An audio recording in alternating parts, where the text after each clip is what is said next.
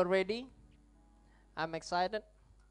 Kita masih di tema yang sama, purposeful and perseverance. If kalau aku boleh tanya ke semuanya, how is your 2019? Kita udah masuk dua minggu ya, right? Dua dua minggu, dua minggu from the start ya, 2019. How is it? Gimana? Ada yang bisa jawab? Ada tiga pilihan. Satu, it's amazing. I got life full of miracles. Dari awal tahun Tuhan udah buka-buka jalan yang gua nggak pernah lihat, yang gua nggak pernah sangka. It's amazing. Yang kedua, meh, so-so, semuanya sama aja. Sama kayak ending 2018, lanjut lagi ke 2019, nothing much. Gak ada perubahan yang gede. Gak ada apa-apa. Atau yang terakhir, man I'm in a mountain of struggles. Gue lagi stres, gue lagi banyak banget beban, gue lagi banyak banget masalah yang it's not fair, bukan salah saya, tapi saya mesti ngalamin itu semua. Saya mesti lewatin itu semua. Kalau itu salah saya, saya masih ngerti. Tapi no, it's not my fault. And I have to struggle with all of this. Dengan isu family saya, dengan isu financial saya, dan lain-lain. You know, it's between those three. Ya kan kalau kita ditanya kamu gimana tahun ini? Gimana hari kamu? Antara tiga itu kok. Tuhan baik, biasa-biasa aja. Atau, aduh lagi banyak banget bebannya. Saya secara personal, saya pasti pengen yang pertama. Yang life is amazing. I got new jobs. Besok saya masuk kerjaan baru, saya setengah khawatir dan setengah takut, tapi saya juga setengah excited. Gitu loh, ada banyak hal yang saya mesti pikirin dan lain-lain. Terus uh, nikah nggak murah, buat semua yang persiapan menikah, nikah nggak murah. Jadi ada banyak ketakutan yang itu. Tapi kalau if I wish, kalau tanya I wish apa? I wish, I wish adalah life is full of amazing things. I wish life is always like that. Starting 2019 Tuhan udah started right dengan tiba-tiba bam satu miracle yang kita doain langsung kebuka jalan itu. Then we know oh this is gonna be a good year. But sometimes it doesn't happen that way, bener kan? That's what we wish for. Apa yang gua nggak pengen jelas adalah I don't want a mountain of struggles. Mulai baru awal tahun udah berantem sama orang, awal tahun udah bete, awal tahun udah stres sama kerjaan, awal tahun dipecat, amit amit. Dan awal tahun awal tahun udah stres sama yang lain, kita benar-benar we don't want that to happen. Ya kan? Tapi yang tengah-tengah yang paling bahaya justru. Yang meh semuanya oke-oke aja. Biasa. Dari kemarin single hari ini masih sama setia sampai selama-lamanya. Amin. Ya enggak. Cuman maksudnya kayak ya you know, kita bisa ngomongin same position gimana? What what's what's changing 2019 apa yang baru di hidup lo? Apa yang something yang lu pengen look forward? Nothing much. Gitu-gitu aja. I want speak aku percaya kalau Tuhan tuh berbicara sama kita. Itu tuh kayak every single day. Ada ada yang kadang-kadang spesifik di mana saat kita lagi dalam isu dalam kita kayaknya membutuhkan sesuatu dan Tuhan berbicara lebih keras. Dan kita bisa ngelihat karyanya dia. Tapi in daily times saya percaya saya benar percaya kalau Tuhan berbicara sama setiap dari kita. It's a matter about kita receive apa enggak. Life is like an everyday battle yang yang everyone is facing an issue benar kan I I'm facing an issue ada orang gak ada yang bisa compete satu sama lain, gak ada yang bisa ngadu satu sama lain siapa yang isunya paling gede. Ada yang mesti ngelawan isu di masalahnya, keluarganya. Ada yang punya isu di relationshipnya. Ada yang punya isu di financial situationsnya. Ada yang punya isu di persahabatannya sama teman-temannya atau di hubungan pernikahannya. Ada yang punya isu di di benar-benar addiction dia sendiri dan dan problem dia sendiri. Ada yang punya isu di ekspektasi mereka sendiri. You know what? Semua orang punya isu. And every single day, you we are facing that issue. Setiap hari itu kita mesti ngelawan masalah-masalah itu terus. Jadi kita tuh kayak mesti getting ready all the time. Kayak bener-bener kayak, you know what, always on edge, siap untuk ngelawan semua peperangan itu. Dan itu nggak gampang. Bener kan? It's not easy. You get drained fast, kita capek. Energi kita tuh kayak udah kebuang buat semuanya. Nggak sedikit kita dengar kan kadang-kadang orang kayak begitu kita cerita, eh Ken, Ken, gue lagi ada masalah gitu loh. Gue lagi ada masalah, lu dengerin deh. Gue tuh lagi kayak gini gini gini terus si Ken kayak lu lu pikir gue kagak? Bener, lu pikir gue kagak ada masalah? Lu nggak tahu kalau gue lagi ada kayak gini, lu nggak tahu kalau gue lagi ada kayak gitu. You don't know, you don't know. Which is true. Saya ada masalah, dia juga ada masalah. Dan kita kadang-kadang competing bahwa bahwa siapa yang masalahnya paling gede, saya masih nggak ngerti sampai sekarang bahwa, bahwa ada beberapa orang yang kayak saya punya masalah, gua apa lagi lah ya udah. Kalau situ mau punya masalah lebih gede monggo. Cuman every day kita akan fighting itu terus. So kalau kita nggak pick our fights benar, kalau kita nggak ready, kita bakal habisin energi kita di semua itu. And you realize kok hidup gua nonton, Hidup kita biasa-biasa aja. Dan we come to a questions yang benar-benar adalah Is this it? Apakah memang hidup kita cuman gini aja? You know, you wake up, you work hard. Kalau ada masalah di kerjaan diselesain. Kalau enggak ya jalan aja. And then you go to sleep. Atau you wake up, ketemu teman. Kalau ada masalah yang mesti dilawan, diselesain. Dan habis itu you go to sleep. Is that it? Is this it? Karena the more tiap hari kita ngerjain itu, kita ngerjain itu, kerja ngerjain itu terus, itu menjadi sesuatu yang monoton banget dan dan apakah itu doang?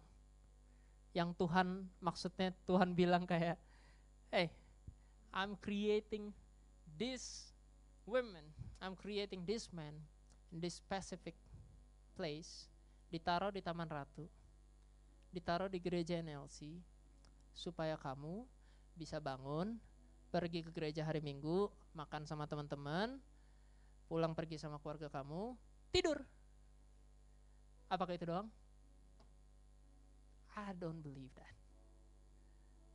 Aku percaya kita memang dipanggil buat sesuatu yang lebih gede daripada itu.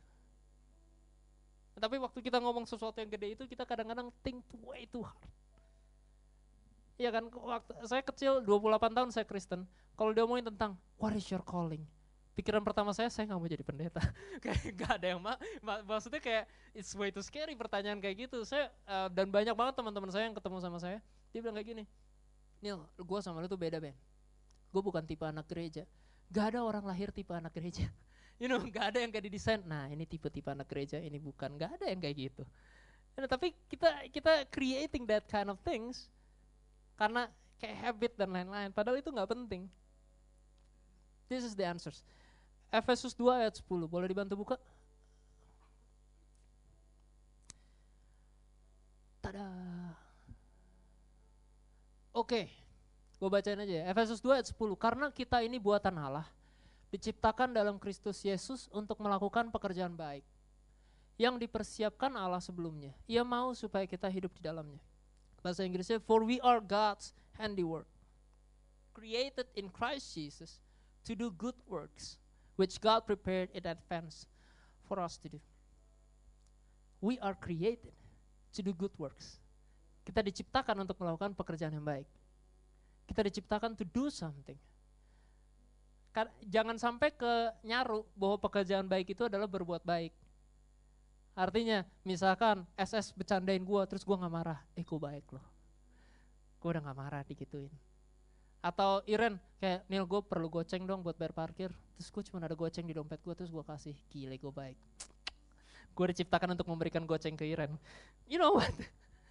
It's not only that. Bukan cuma berhenti nyampe sana tapi apa yang dimaksud pekerjaan baik sama Tuhan itu adalah yang berbuah. That you become fruitful. Bahwa ketika kita stay sama Tuhan kita stick sama Tuhan Tuhan bilang aku tuh akarnya dan kamu ranting-ranting. Kalau kamu sama aku, kamu akan berbuah dan buah kamu dinikmati oleh banyak orang. Maka di ayat berikutnya, boleh dibukain Matius 5 ayat 16. Bukan angkatlah tinggi pancinya. Saya yakin ayatnya bukan itu. Matius 5 ayat 16. Demikianlah hendaknya terangmu bercahaya di depan orang, supaya mereka melihat perbuatanmu yang baik dan memuliakan Bapamu yang di sorga. Di bahasa Inggris ya dia bilang sebenarnya kayak gini, in the same way let your light shine before others that they may see your good deeds and glorify your Father in heaven. Sama, Tuhan lagi minta, kamu berbuat baik, kamu berbuah, dan you will be standing on a mountain. Kamu tuh kayak lampu, lampu nggak ada gunanya kan kalau kamu taruh di bawah. lampu kamu sengaja ditaruh di tempat yang gelap supaya itu terangin seluruh ruangan. Ada yang taruh lampu banyak-banyak di ruangan yang terang. Contoh di ruangan seterang ini kamu tambah 10 lampu lagi guna nggak? Tapi di lorong-lorong sini tambah satu lampu jadi orang pas nyalain sound system nggak keserimpet guna nggak? Guna kan? Dan kita mikir kayaknya di sini yang rame. Di sini yang ini. Saya maunya yang di spotlight yang gede, yang nerangin seluruh ruangan. Udah ada, tapi di sana belum ada. Di sana perlu ada orang-orang yang datang ke sana and be the light supaya ada orang-orang yang di dalam sana nggak nyasar, nggak keserimpet, nggak jatuh. And we are called to do that. We are called to do that untuk ketemu sama orang-orang di sekeliling kita. I will never know teman-temannya. Maksudnya aku nggak ada di lingkungan semua orang. Gak ada satupun dari kita di lingkungan siapa aja ngerti ya. Kayak kita memang dipanggil specifically ada di situ untuk menjadi berkat di sana. Saya nggak akan menjadi berkat di rumah sakit di mana Miranda berada. Karena saya bukan dokter. Kalau saya bekerja seperti itu, kacaulah rumah sakit itu. Betul ya, tapi hanya Miranda yang akan menjadi berkat di tempat di mana dia bekerja, hanya Doni yang akan menjadi berkat di tempat rumah sakit dia bekerja. Cuman Yoyo akan menjadi berkat untuk orang-orang yang bikin baju sama dia. You are called specifically where you are. Karena Tuhan bilang kamu ada callingsnya di sana. And if you stick with me, no matter who you are, no matter what is your past, gak peduli masa lalu kamu kayak gimana, gak peduli orang ngomong tentang kamu tuh apa, tapi if you stick with me, you will bear fruit. Dan buah kamu dinikmati oleh banyak orang. That is far more important.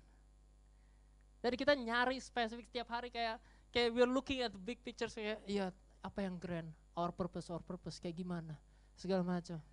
Itu tuh sama kayak kayak yang waktu itu aku pernah ceritain berapa berapa tahun yang lalu I think. I think two years ago.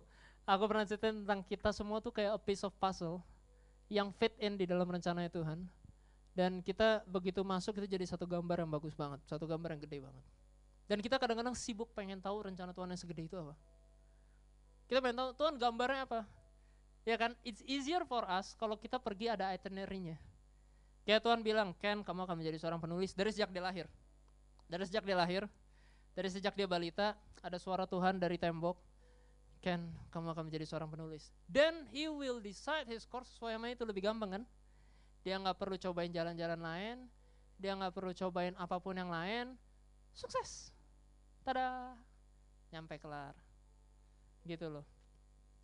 Iren kamu akan menjadi seorang blogger dan dari lima tahun Iren udah main Instagram, gak ada Instagram, Facebook, Twitter, apa pun itu, dia udah main lebih aktif lagi, pasang foto sebanyak-banyak ya dan lain segala macam. It is easy untuk kita doa dan kita kayak minta Tuhan, Tuhan gue pengen itinerary-nya. Gue pengen tahu purpose akhirnya semuanya, so it's easier for me to walk there. But sometimes Tuhan gak kasih kayak gitu. Iya kan? Tuhan gak kasih kayak gitu dan kadang-kadang when you see that, even bahkan Tuhan reveal lebih gede lagi daripada yang kita lihat, daripada yang kita impiin. Minggu lalu Merrick cerita tentang Yusuf. I noticed something good. Yusuf di mimpinya, di mimpi pada saat dia muda, pada saat dia kecil sebelum dia dibuang sama saudara-saudaranya itu, I think dia umur sekitar 12-an. I, I, I can't remember dia umur berapa. Tapi pada saat di mimpinya, pada saat dia muda, dia mimpi bahwa saudara-saudaranya dan bapaknya menyembah dia. Tunduk menyembah dia. That is his dream. Dan pada saat itu jadi kenyataan, kita kadang-kadang cuma fixated bahwa bener loh Yusuf jadi pemimpin dan saudara-saudara datang nyembah dia. Sesuai mimpinya dong. Tapi yang kita nggak sadar adalah Yusuf ada di sana untuk melayani saudara-saudaranya. Untuk mempersiapkan saudara-saudaranya yang kelaparan, untuk bikin untuk mereka yang dulu ngebuang dia, dia ada di sana di tempatin Tuhan untuk jadi berkat buat mereka. Your purpose, apa yang kita doain, itu selalu Tuhan bilang untuk orang lain, pasti. Dia nggak bakal stop for you, He already has a purpose for you. Ada pasti. Tapi what he wants dari kamu akan ke orang lain. Dari kamu it will flow to other people. Dari kamu it will flow to your family. Dari kamu it will flow to your friends, to your work, to your ministry, to this church. Ke mana pun kamu pergi, dari situ. Itu kerjaan Tuhan akan berbicara lebih keras. I learned benar-benar selama aku persiapin ini aku benar-benar belajar satu I need to focus on the small stuff manusia bisa rencanain banyak manusia bisa rencanain everything tapi Tuhan bilang rencana Tuhan yang jadi kok Itulah rencana Tuhan yang jadi. Dan abis itu apakah kita nggak berencana apa-apa? No wrong. Ya kan, kamu kamu punya tujuan. Kamu, saya mau ke CP abis ini.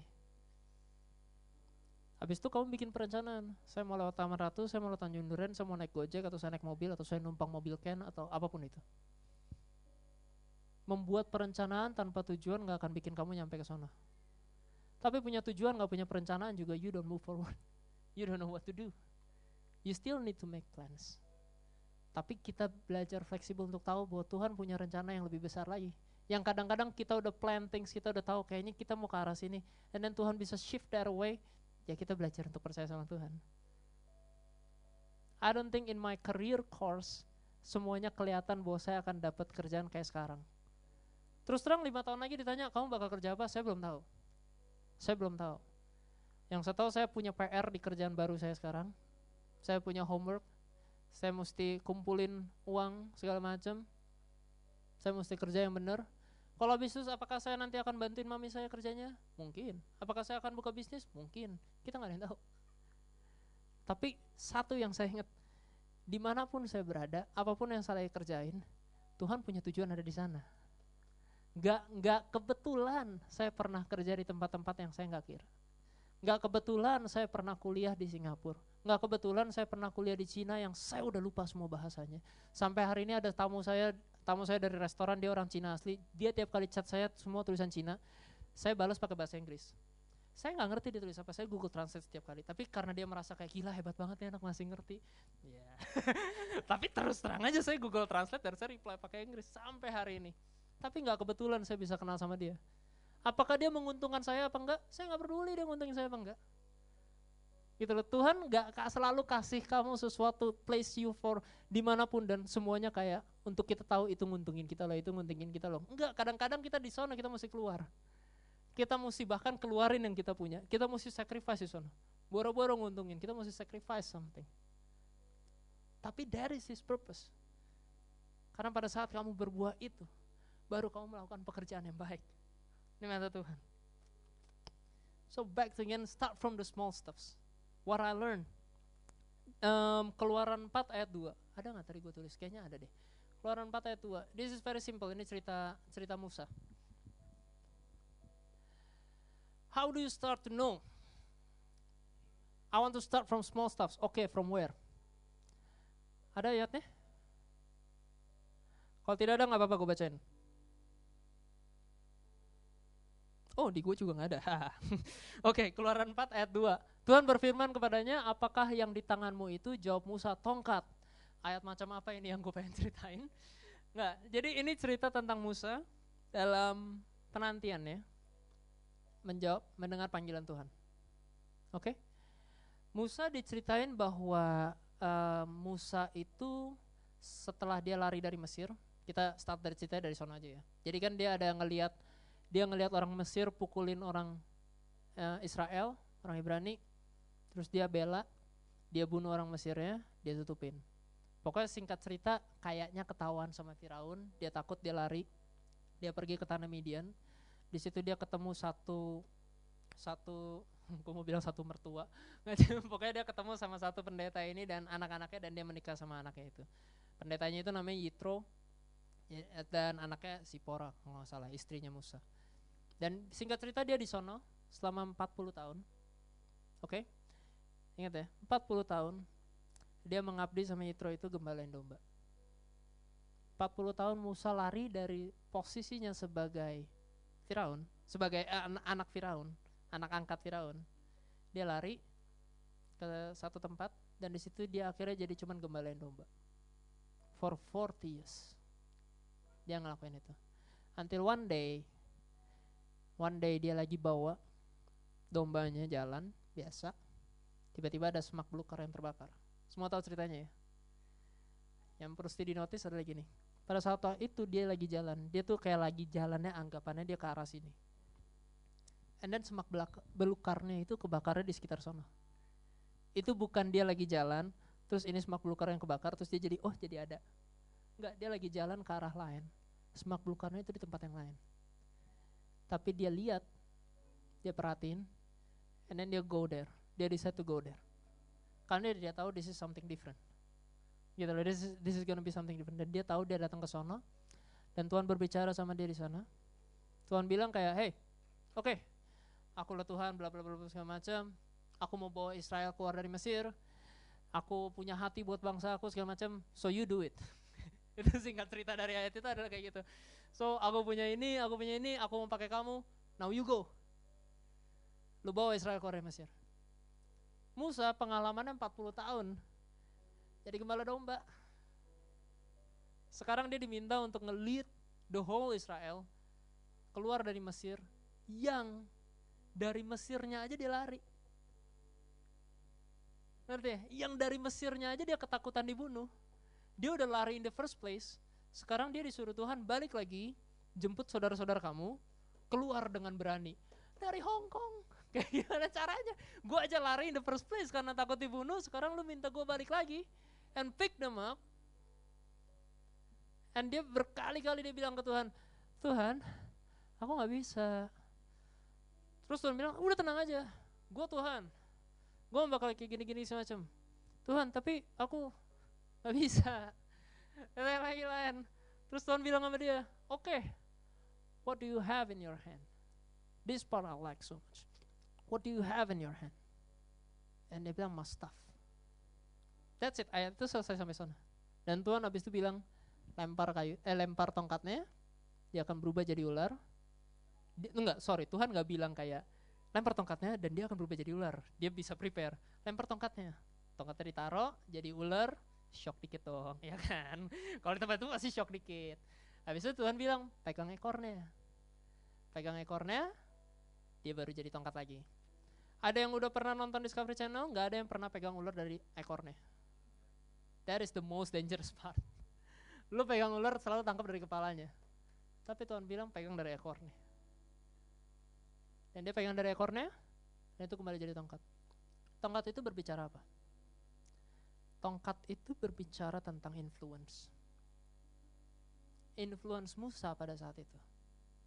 Itu cuma sebatas domba. Aku udah pernah ceritain yang tentang domba. Ya, hampir sebagian besar di sini. Domba is freaking just plain stupid kasarnya. Yang ada tongkat, lu direct ke mana dia ikut.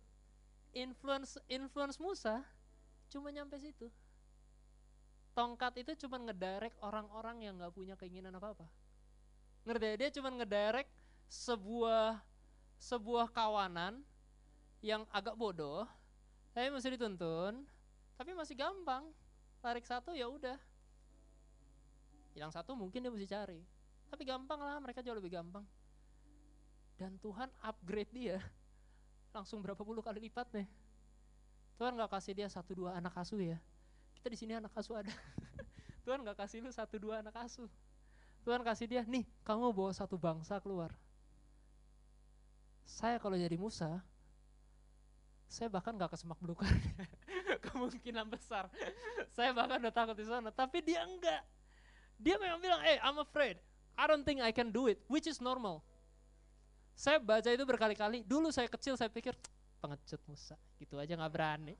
Ya kan masih kecil kita kagak ngerti. Kita baca berkali-kali, pengecut nih orang. Masa sampai empat kali sampai Tuhan akhirnya marah yang apinya membara. Terus baru dia kayak, oke okay, gue pergi gitu. Masih mesti digituin baru pergi. Itu waktu saya kecil, waktu sekarang saya udah ngerti. Dia jadi ular, saya tinggal. Tongkatnya pasti 90%. Gitu loh. But Musa stick there, dia dengerin Tuhan. Jadi orang ini lembut hatinya luar biasa. Takut, tapi dia berserah sama Tuhan luar biasa. Dan Tuhan bilang, oke, okay, influence kamu hari ini cuma sebatas domba. Your power, your authority, cuma sebatas domba. 40 tahun kamu lari, 40 tahun kamu udah mengabdi mencari dia, mencari Tuhan. Dan hari ini gue jawab kamu. Tuhan jawab Musa maksudnya. Dan Tuhan panggil Musa. And with this, kalau sama aku, kamu bakal ngelit banyak. Dan kalau kamu baca berikut-berikut dari kitab keluaran, seluruh mukjizat yang Tuhan lakukan, itu melalui tongkat itu. Melalui tongkat Musa tadi. Dia belah air laut menjadi dua, itu dipakai tongkatnya dulu.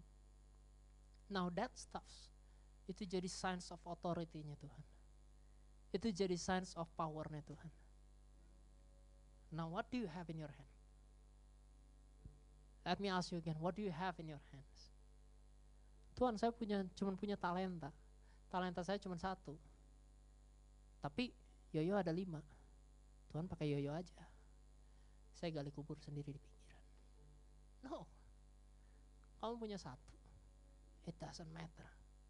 Kalau kamu kasih Tuhan satu tadi, kamu kerjakan, kita kelola, itu bakal jadi signs of powernya Tuhan itu bakal jadi signs of wondersnya Tuhan. Yang orang lihat bisa kayak why? How can you be like this? You know, having a purpose is not about being successful in your life. You can be successful without God. Let me tell you again, you can be successful without God. Tapi can you having true joy benar-benar dalam hati kita yang gak bisa direbut sama siapa pun, yang kita bisa tidur nyenyak, kita bisa cherish everything, kita bisa konten sama apa yang kita punya. There is another thing yang cuma Tuhan bisa kerjain. Dan kalau kita nggak stick sama dia, you know what? Kita bakal hilang.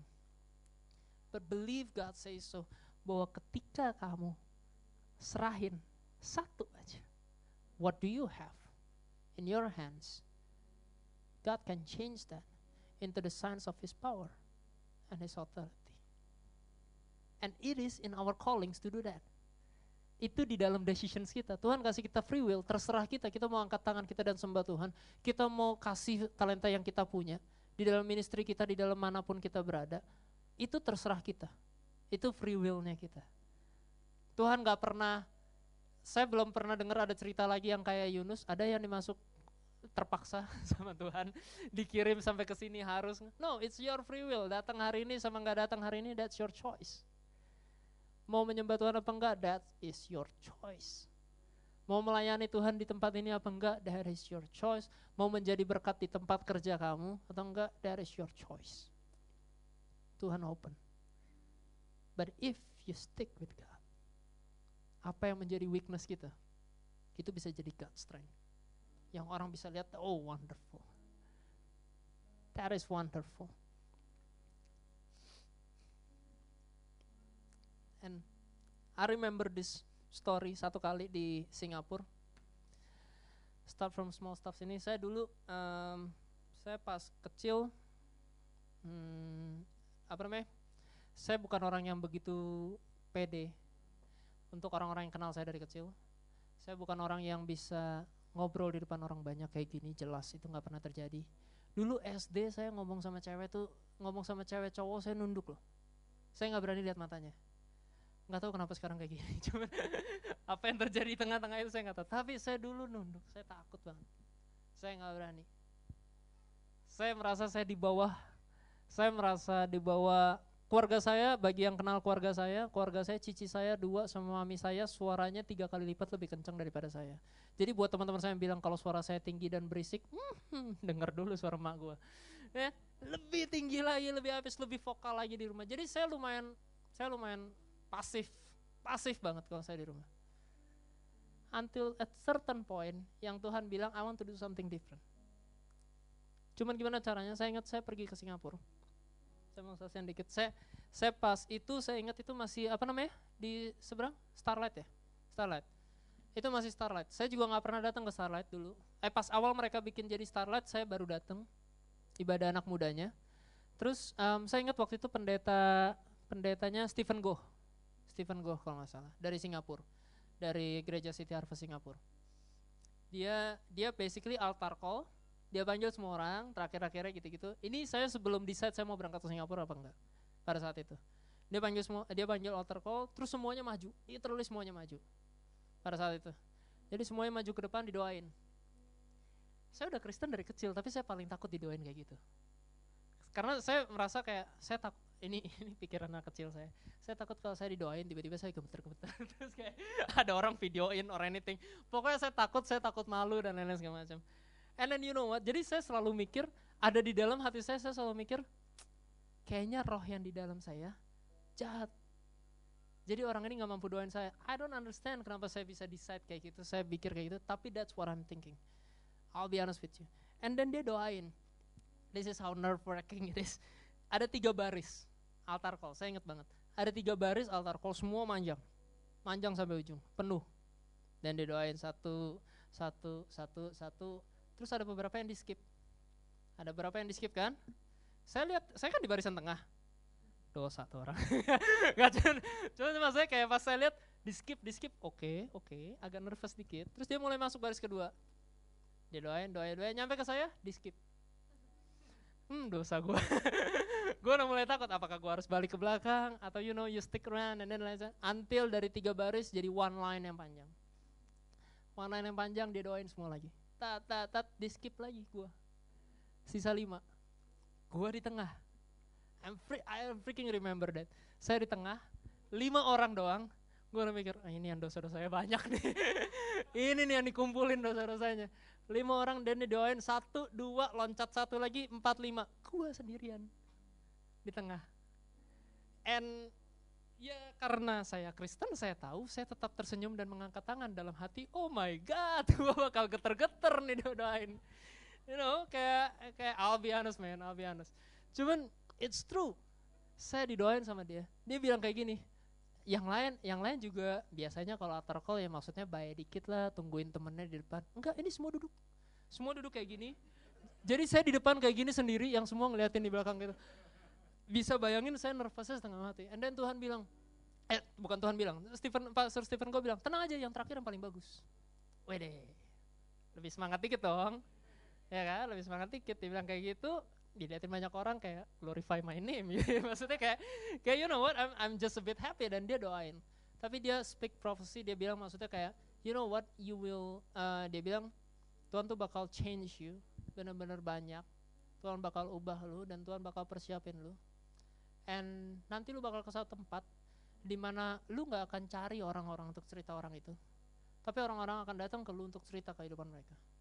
Lo akan menjadi tempat orang bersandar dan lain-lain segala macam. Pokoknya dia doain panjang lebar dan terakhir dia bilang oh and again terakhir tempat lu bukan di sini. You'll be somewhere else.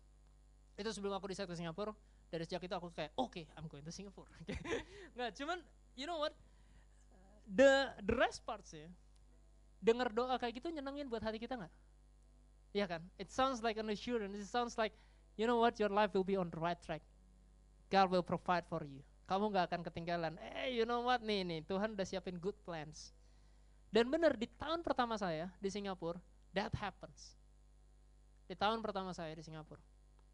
Teman saya dari gereja lain, saya dulu pas pertama kali saya di Singapura, saya sempat ke gereja City Harvest dulu. Um, terus pokoknya udah oke okay, segala macam datang, tapi saya diajarkan roommate saya ke satu gereja yang kecil dan saya malah lebih cocok di gereja yang itu. Dan lucunya, saya datang ke gereja City Harvest, ke komselnya doang, itu cuma dua kali. Dua kali apa satu kali? Dua kali. Satu anak, ada satu anak tiba-tiba kontak saya, dia cerita panjang lebar, dia cerita, dia duduk, dia cerita segala macam, dan dia bilang, gue nggak pernah, gua, dia 14 tahun waktu itu, dia bilang, hm, saya nggak pedo, saya juga 18. Cuman saya, dia 14 tahun, dia cerita, dia bilang, saya nggak pernah cerita ini ke siapa pun, cuma ada satu teman baik saya dari kecil yang tahu ini. Dan dia ceritain masalah keluarganya, segala macam gitu-gitu. Dan nggak berapa lama dia malah ikut saya pindah ke gereja saya. Gitu loh. Pokoknya ada banyak sekali cerita-cerita yang lain yang orang-orang jadi datang dan cerita dan bersama saya. So atau saya udah persiapin. Gitu loh. Saya saya pas datang ke gereja sing eh, eh ke gereja yang kecil itu yang saya bertumbuh di Singapura banget di gereja itu saya bilang ke Tuhan Tuhan saya bisa apa ya? Karena saya nggak ada dulu kayak gini nggak ada saya pernah maju dan sharing tuh nggak pernah. Nggak ada saya mimpin pujian itu nggak pernah. Saya bahkan nggak singer dulu. Iya kan? Se sebelum ke Singapura saya belum pelayanan di gereja Indonesia. Saya cuma ikut tiap tahun choir. Tiap tahun ada di gereja umum kita kan ada choir. Ya choir kan you know kayak ya yeah, udah terus nggak ada nggak ada yang nyanyi suara nggak kedengeran. So so nggak I don't know what I can do. Tapi saya ingat pada saat itu pada waktu itu, setiap kali kita worship, kita bakal rush ke depan and you know, we are jumping like crazy. Ya kan? We express our feelings ke Tuhan. We declare Tuhan gimana semacam, we worship with our whole heart. Dan saya ingat itu, pada saat ke Singapura, Tuhan bilang kayak, Tuhan tanya yang saya tanya ke Tuhan, lu pengennya gue ngapain di sini? What should I do? Dan Tuhan jawab, what do you have in your hands? Saya pas lagi siapin ini, this is very funny karena saya jadi keinget cerita itu. Tuhan bilang, what do you have in your hands? I don't know. Semangat, sedangkan semua teman-teman saya tahu saya orang yang paling gak bersemangat dan paling males ngapa-ngapain. Tapi I do know that when I worship, I'll be jumping like crazy. I'll be worshiping with my whole heart. I can't dance like other people karena saya badannya kaku setengah mati kayak robot, but I don't care when I worship. When I just worship, I just enjoy it and I do it. And you know what? I did that. Dan Tuhan bilang, ya udah, bring that to your church, bring that to your community. So I did what He asked me to do. Dan berapa tahun selama saya di sana, akhirnya mulai kadang-kadang, kadang-kadang nggak selalu, tapi kadang-kadang anak-anaknya maju ke depan. And they worship like crazy. Bahkan pada saat kita di sana kita pertama kali ngadain worship breakthrough pertama. Di sana sampai ada gereja kita waktu itu berapa kan? 50-an ya, anak-anak mudanya. Atau 50-an. Hah? 20-an ya, sorry. Iman gue terlalu besar. Atau ingatan gue yang terlalu rendah. Enggak, 20-an. Iya benar, 20-an sampai 30-an. 20-an sampai 30-an pada saat saya di sono saya enjoy banget itu masa-masa um, pendeta saya cerita Santo dia bilang katanya zaman pas lu di sono itu yang paling deket-deketnya semuanya. Paling semuanya ngumpul dan lain-lain. Kita ngadain worship breakthrough total 100 anak yang datang 100 anak. Dan 80 angkat tangan untuk mau terima Tuhan. That's the first time mereka dari semenjak gereja awal ada. Nih apakah saya bilang karena saya? Enggak. Saya nggak bilang itu semua karena saya. Tapi Tuhan yang punya purpose-nya, Tuhan yang pengen instill something, Tuhan yang pengen taruh sesuatu, lewat siapa pun bisa. Kalau saya hari itu saya nggak memilih ke gereja itu, saya nggak memilih ke tempat itu, Tuhan bisa pakai yang lain nggak? Pasti bisa. Pasti bisa. Tapi saya bersyukur kalau saya pernah jadi bagian itu. Saya bersyukur kalau di journey saya di Singapura saya pernah jadi bagian itu. Apakah saya punya masa-masa kelam? Banyak sekali itu masa-masa saya jalan juga saya salah jalan maksudnya saya salah jalan saya juga pernah tapi Tuhan tuh nggak pernah tinggalin. Itu yang saya berani ceritain ke semua orang Tuhan gak pernah sekalipun tinggalin kamu no matter where you go. Lu punya masalah lu paling jelek separah apa pun Tuhan gak pernah tinggalin. People were coming to me pas di Singapura mereka cerita segala macam. Iya gue kayak gini. Pasti saya di Cina mereka cerita juga. Iya gue sebenarnya kayak gini. Pas saya cerita gue sebenarnya juga sama bla bla bla. Mereka semua kayak bengong. Tapi kan lu rajin ke gereja and then kayak maksudnya that doesn't define bahwa orang itu foolproof dari segala kesalahan dan dosa kesehatannya sama everybody got their own issue everybody got their own mistakes tapi when you rely on God when you stick with God God can change that into a blessing buat banyak orang now what do you have to do 2 Timotius 4 ayat 7 Ooh, I'm gonna be short. It's fun. Oke. Okay. 2 Timotius 4 ayat 7. Aku telah mengakhiri pertandingan yang baik, aku telah mencapai garis akhir, dan aku telah memelihara iman. Ini adalah ayat yang paling terkenal di kuburan. It's true. saya pertama tahu ayat ini pada saat ayah, ayah saya meninggal. Gitu loh. Aku telah mengakhiri pertandingan yang baik, aku telah mencapai garis akhir, dan aku telah memelihara iman. Tapi What is the good fight? Ya kan? Pertanyaan besar itu kok. How do you know that you live your life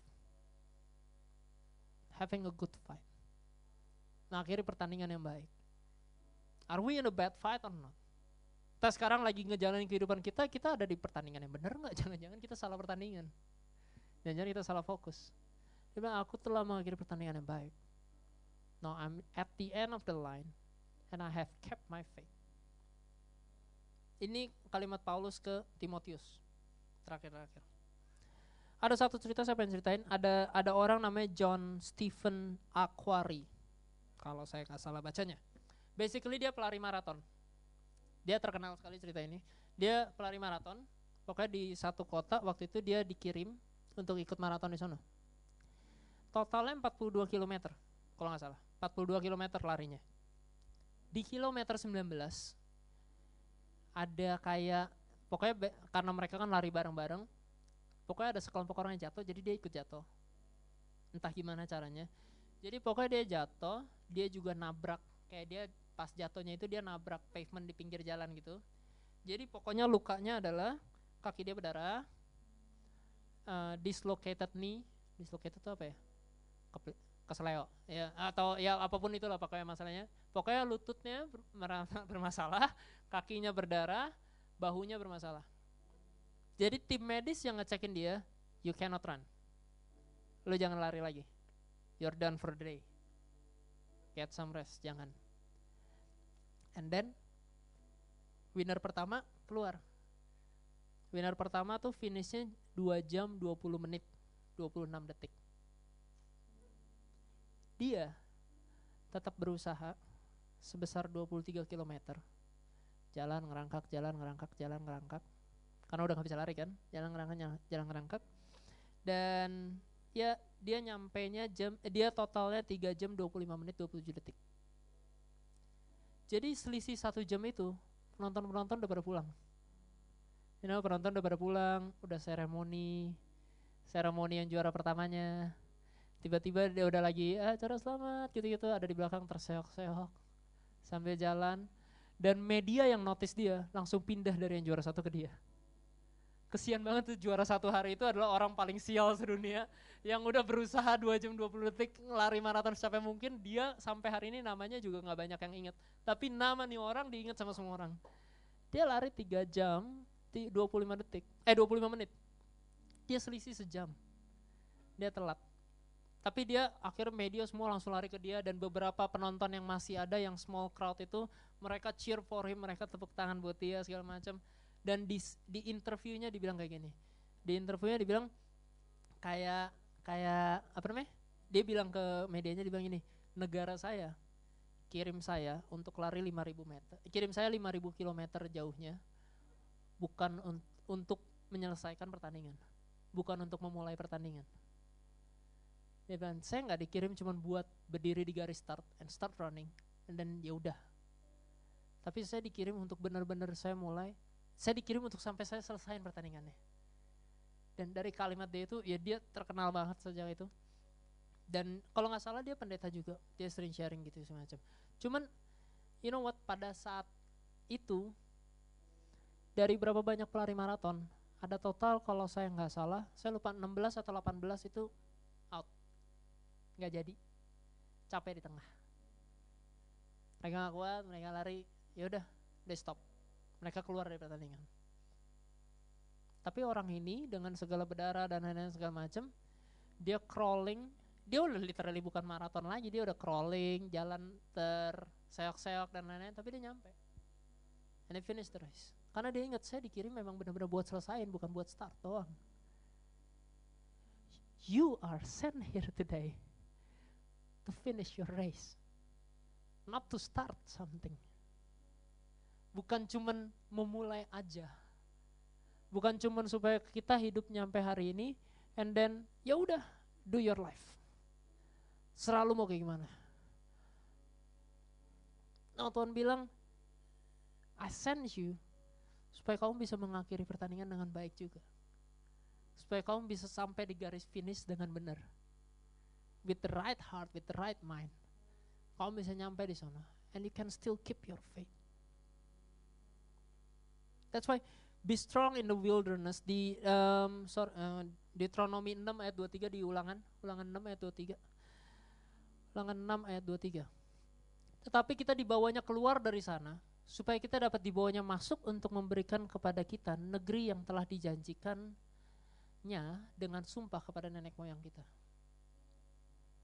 Kita dibawa keluar dari suatu tempat sama Tuhan supaya kita masuk dan memberkati tempat itu.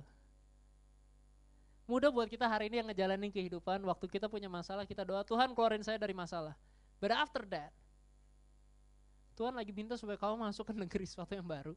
Tuhan lagi minta supaya kamu membawa blessing saya kamu yang Tuhan udah breakthrough kamu. Untuk udah bawa kamu keluar dari situ. Untuk jadi berkat di tempat orang lain lagi. To keep continuing do that. Dalam kehidupan kita. Supaya setiap orang yang ketemu sama kita tahu kasihnya Tuhan tuh kayak gimana. Kalau nggak itu cuma stop di kita doang waktu saya ngerti namanya berada di padang gurun kayak gimana. Padang gurun tuh bukan cuma bicara soal kamu lagi ada masalah. Kita tahu padang gurun punya harsh weather, iya kan? Dia bisa panas banget, dia juga bisa dingin banget. And you have to adapt with that. Tapi satu yang lebih ngeri dari padang gurun bukan soal masalah weathernya atau masalah binatangnya, kalajengking dan segala pasir hisap bla bla bla itu. Bukan cuma itu yang paling nakutin. Yang paling nakutin adalah you got nothing. Everywhere you see itu cuma padang aja It's just sand. Everywhere you see is just like that. Nggak ada point of view arahnya ke mana, nggak ada directions. Yang lebih serem dari padang gurun bukan cuacanya, cuaca bisa di prepare, kita bisa siap-siapin. Tapi kalau you are lost in the desert, itu yang paling serem. You got nothing. Saya ngerti namanya kadang-kadang kita di padang gurun dalam kehidupan kita juga kayak gitu. Bukan masalah yang paling saya takutin karena ketika kita ada masalah, terutama masalah yang kita nggak bisa hadapin dengan kekuatan kita sendiri, orang jadi makin dekat sama Tuhan, benar kan? Ketika kamu dalam masalah yang benar kayak God, this is not fair man. Kenapa bisa tiba-tiba ini datang ke saya? Saya jahat banget pas papi saya meninggal, saya mikir kayak kenapa nggak dia aja bapaknya dia, dia aja benci sama bapaknya, dia aja lah. Gitu loh. Itu jahat banget saya mikir dulu kayak gitu. Tapi it's true. Gak fair, saya mesti ngadepin ini semua gak fair When you say it's, it doesn't, it's not fair God, tapi lu communicate sama Tuhan, kita jadi komunikasi sama Tuhan, dan kita jadi grow close, kita jadi ngerti Tuhan pengennya apa segala macam, that's better. Seriously, I will tell you, kalau kamu ada masalah and you rely on God, that is far better. Tapi yang lebih serem, kalau kita wake up every day and feeling meh, just go on with my life. Ya udah biasa juga kayak gini Orang di Alkitab pernah bilang, salah satu yang paling susah adalah untuk seorang manusia bisa bilang konten. Benar kan? Untuk seorang manusia bisa bilang cukup. Paulus bilang kayak saya pernah ngadepin semuanya, saya tahu artinya kecukupan itu apa. Saya pernah di penjara, saya pernah di posisi yang paling bagus, saya pernah kaya, saya pernah miskin, saya pernah di posisi apa pun, tapi saya berani bilang saya konten sama kehidupan saya. Saya tahu the secret of contentment itu di mana. Tapi ada juga yang bahaya adalah sama semuanya dia konten. I don't need to have any purpose. I live for today, YOLO, ya udahlah hari ini saya mau ngapain A A B B suka-suka saya. That is far more scary. Because you'll get lost. But today Tuhan makanya mau calling kita. Gak usah khawatir, kita di padang gurun, Tuhan gak pernah minta kita keluar sendirian kok.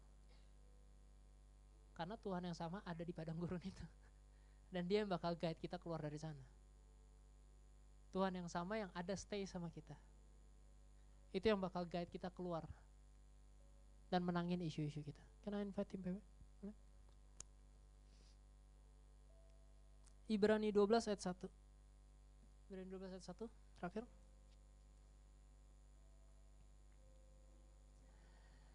Oke, okay. semua lihat ke ayatnya ya. Karena kita mempunyai banyak saksi, bagaikan awan yang mengelilingi kita, Marilah kita menanggalkan semua beban dan dosa yang begitu merintangi kita. Dan berlomba dengan tekun dalam perlombaan yang diwajibkan bagi kita. Boleh aku undang semua bangkit berdiri? Aku baca ulang sekali lagi. Karena kita mempunyai banyak saksi, bagaikan awan yang mengelilingi kita.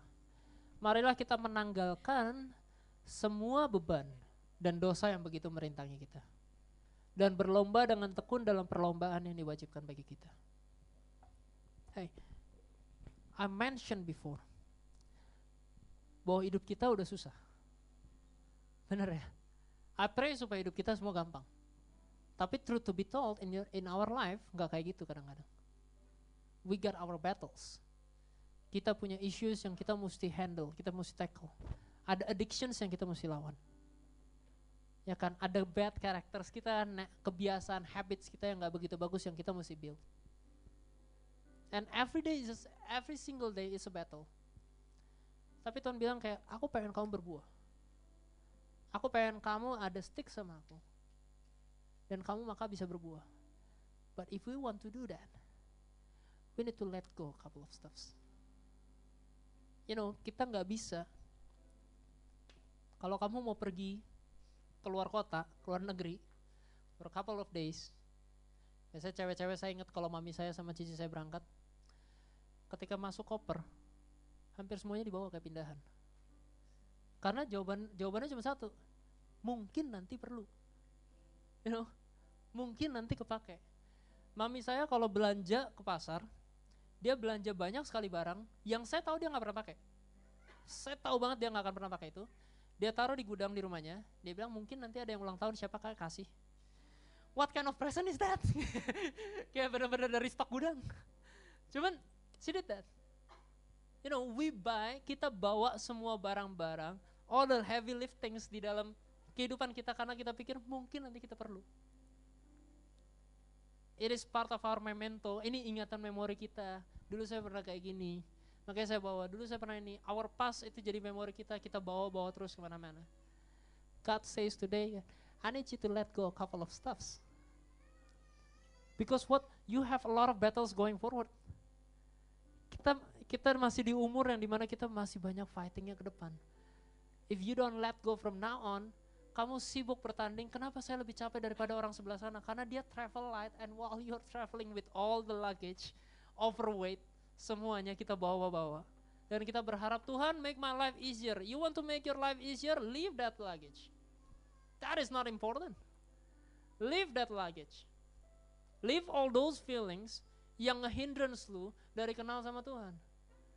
Leave those feelings, leave those regrets, those past mistakes, kebencian-kebencian yang kita simpen, tinggalin. Itu nggak bikin kamu lari jauh ke depan. Itu bikin kamu lambat. Kadang-kadang kamu bisa jatuh karena situations yang bukan salah kita. Tapi dalam situations yang salah kita, jangan dibawa-bawa terus. God says when you repent, God sees that and God already forgive you. Now it is it within our choice sekarang ini. Untuk do you want to travel light? Atau kita mau bawa semua luggage kita? Karena tadi kita udah belajar. I have a purpose di dalam dunia ini. Di dalam kerjaan yang saya ada. Di dalam keluarga saya berada. Saya punya tujuannya. Saya tahu Tuhan taruh saya di sana. Saya nggak selalu ngerti gambaran besarnya. Saya nggak selalu tahu Tuhan pengennya apa. Saya nggak dengar suara Tuhan di tembok. Tapi saya tahu satu, saya ada tujuan di dunia ini all I have to do is stick with him. Kalau saya saya diselamatkan karena saya diselamatkan benar kita diselamatkan bukan karena perbuatan kita. Tapi kita diselamatkan oleh perbuatan baik Tuhan. Dan karena itu kita mesti terusin ke perbuatan baik itu ke orang lain. Kalau saya yang dulu cuma jadi consumer. Kalau saya yang dulu cuma terima apa yang Tuhan mau kasih ke saya Tuhan lagi create kamu sekarang bisa jadi producer. Karena when I've taruh kasih saya di kamu, waktu kamu ngalamin kasihnya Tuhan, kamu udah jadi produser buat orang-orang lain di sekitar kamu. Now you have those travels. Kamu punya fights itu. It is your choice now. It is not easy untuk bertahan sampai akhir hari, untuk bilang, untuk bilang kayak saya percaya sama Tuhan masih sampai akhir hari saya saya bilang Tuhan baik masih kita hari ini bisa bilang oh bisa lah saya kayak gitu tapi berapa banyak teman dan saudara kita keluar dari maratonnya? Because they get tired. Kok nggak kayak yang dipromis? Dari iklan katanya ikut Tuhan problem free. Salah ikan iklan. Nggak ada iklan kayak gitu. Iklan sama Tuhan nggak pernah bilang Tuhan nggak pernah bilang you gonna be problem free. Tapi Tuhan bilang no matter where you go, kasihnya Tuhan gak pernah tinggalin kamu. No matter where you are, kasihnya Tuhan gak pernah jauh dari kamu. No matter where you've been, itu Tuhan tetap ada. Gak peduli kesalahan kamu, gak peduli masalah kamu, it doesn't matter buat Tuhan. Bukan berarti you can do it always, sama sekali enggak. Tapi Tuhan sees you far more important daripada dosa-dosanya. Dia bakal review dosa-dosanya, dosa-dosanya ada konsekuensinya pasti. Semua kita belajar bahwa dosa-dosa kita pasti ada konsekuensinya. But one thing for sure, Tuhan gak pernah tinggalin kitanya. Karena kita jauh lebih penting daripada itu semua. No matter what we do, kita jauh lebih penting. And for that is why, if we keep that, kita mau benar-benar belajar That we want to build our life, right? Sesuai sama jalan-jalannya Tuhan.